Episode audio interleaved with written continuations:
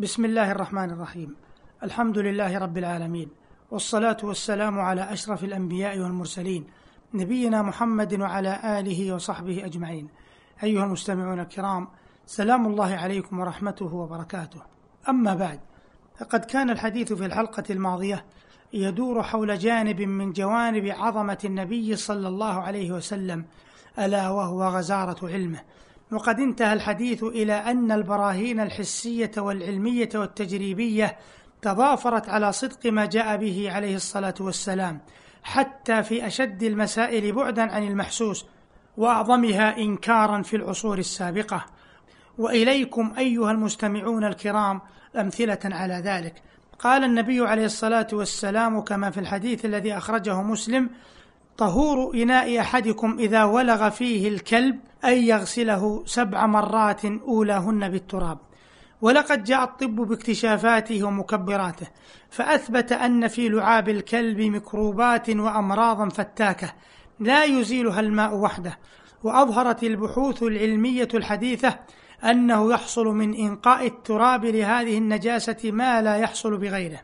وجاء أيضا أن شرب الكلب في الإناء يسبب أمراضا خطيرة فالكلب كثيرا ما تكون فيه ديدان مختلفة الأنواع ومنها دودة شريطية صغيرة جدا فإذا شرب في إناء أو لمس إنسان جسد الكلب بيده أو بلباسه انتقلت بويضات هذه الديدان إليه ووصلت إلى معدته في أكله أو شربه فتثقب جدرانها وتصل إلى أوعية الدم وتصل إلى الأعضاء الرئيسة فتصيب الكبد وتصيب المخ فينشأ عنه صداع شديد وقيء متوالي وفقد للشعور وتشنجات وشلل في بعض الأعضاء وتصيب القلب فربما مزقته فيموت الشخص في الحال. ثم إن العلوم الطبيعية تؤيد ما جاء به النبي عليه الصلاة والسلام وتؤكد صحته على غير علم من ذويها. مثال ذلك تلقيح الأشجار الذي لم يكتشف إلا منذ عهد قريب.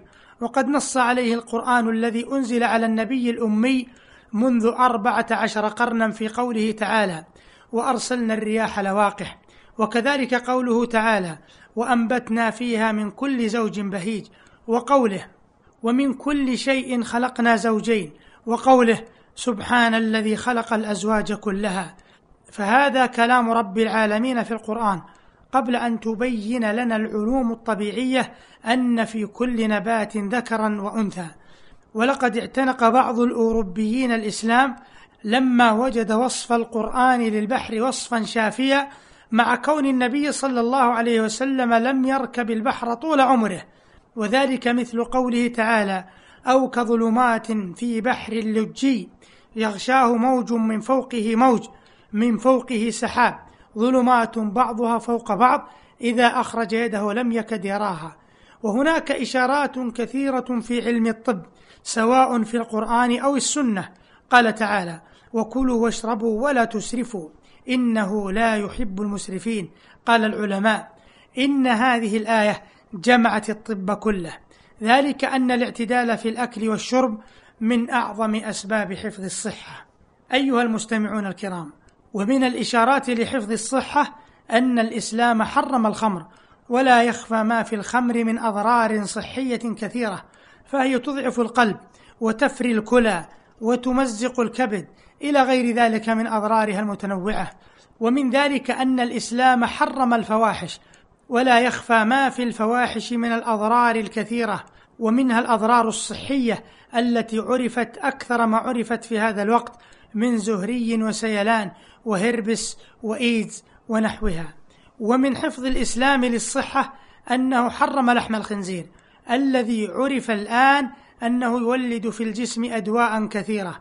ومن أخصها الدودة الوحيدة والشعرة الحلزونية وعملها في الإنسان شديد وكثيرا ما يكونان السبب في موته.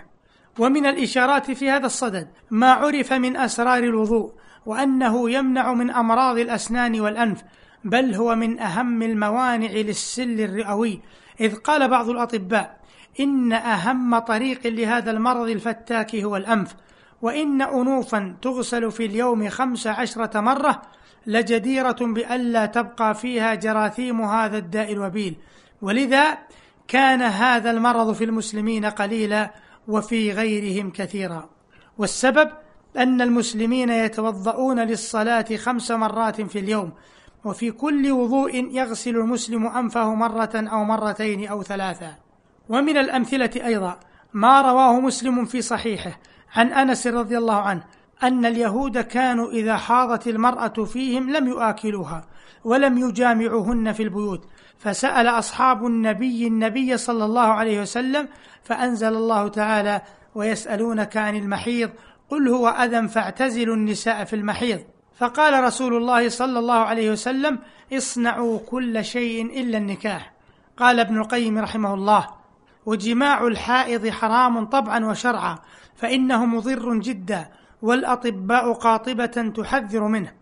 وجاء في تفسير المراغي رحمه الله وقد أثبت ذلك الطب الحديث فقالوا إن الوقاع في زمن الحيض يحدث الأضرار الآتية.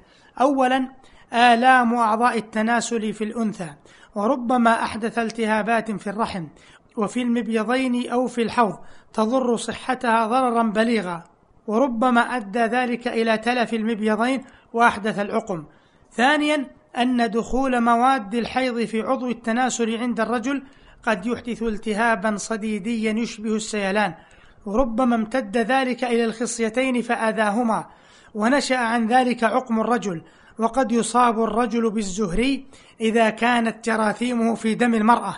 وعلى الجملة فقربانها في هذه المدة قد يحدث العقم في الذكر أو في الأنثى ويؤدي إلى التهابات أعضاء التناسل فتضعف صحتها وكفى بهذا ضررا. ومن ثم أجمع الأطباء المحدثون في بقاع المعمورة على وجوب الابتعاد عن المرأة في هذه المدة كما نطق بذلك القرآن العظيم المنزل من لدن حكيم خبير. انتهى كلامه. أيها المستمعون الكرام ومما يؤكد غزارة علم النبي صلى الله عليه وسلم أن ما جاء به يتفق مع الحقائق العلمية. ولهذا لا يمكن أن تتعارض الحقائق العلمية الصحيحة مع النصوص الشرعية الصريحة. وإذا ظهر في الواقع ما ظاهره المعارضة فإما أن يكون الواقع مجرد دعوى لا حقيقة لها وإما أن يكون النص غير صريح في معارضته. لأن النص وحقائق العلم كلاهما قطعي ولا يمكن تعارض القطعيين. ولقد قرر هذه القاعدة كثير من علماء المسلمين.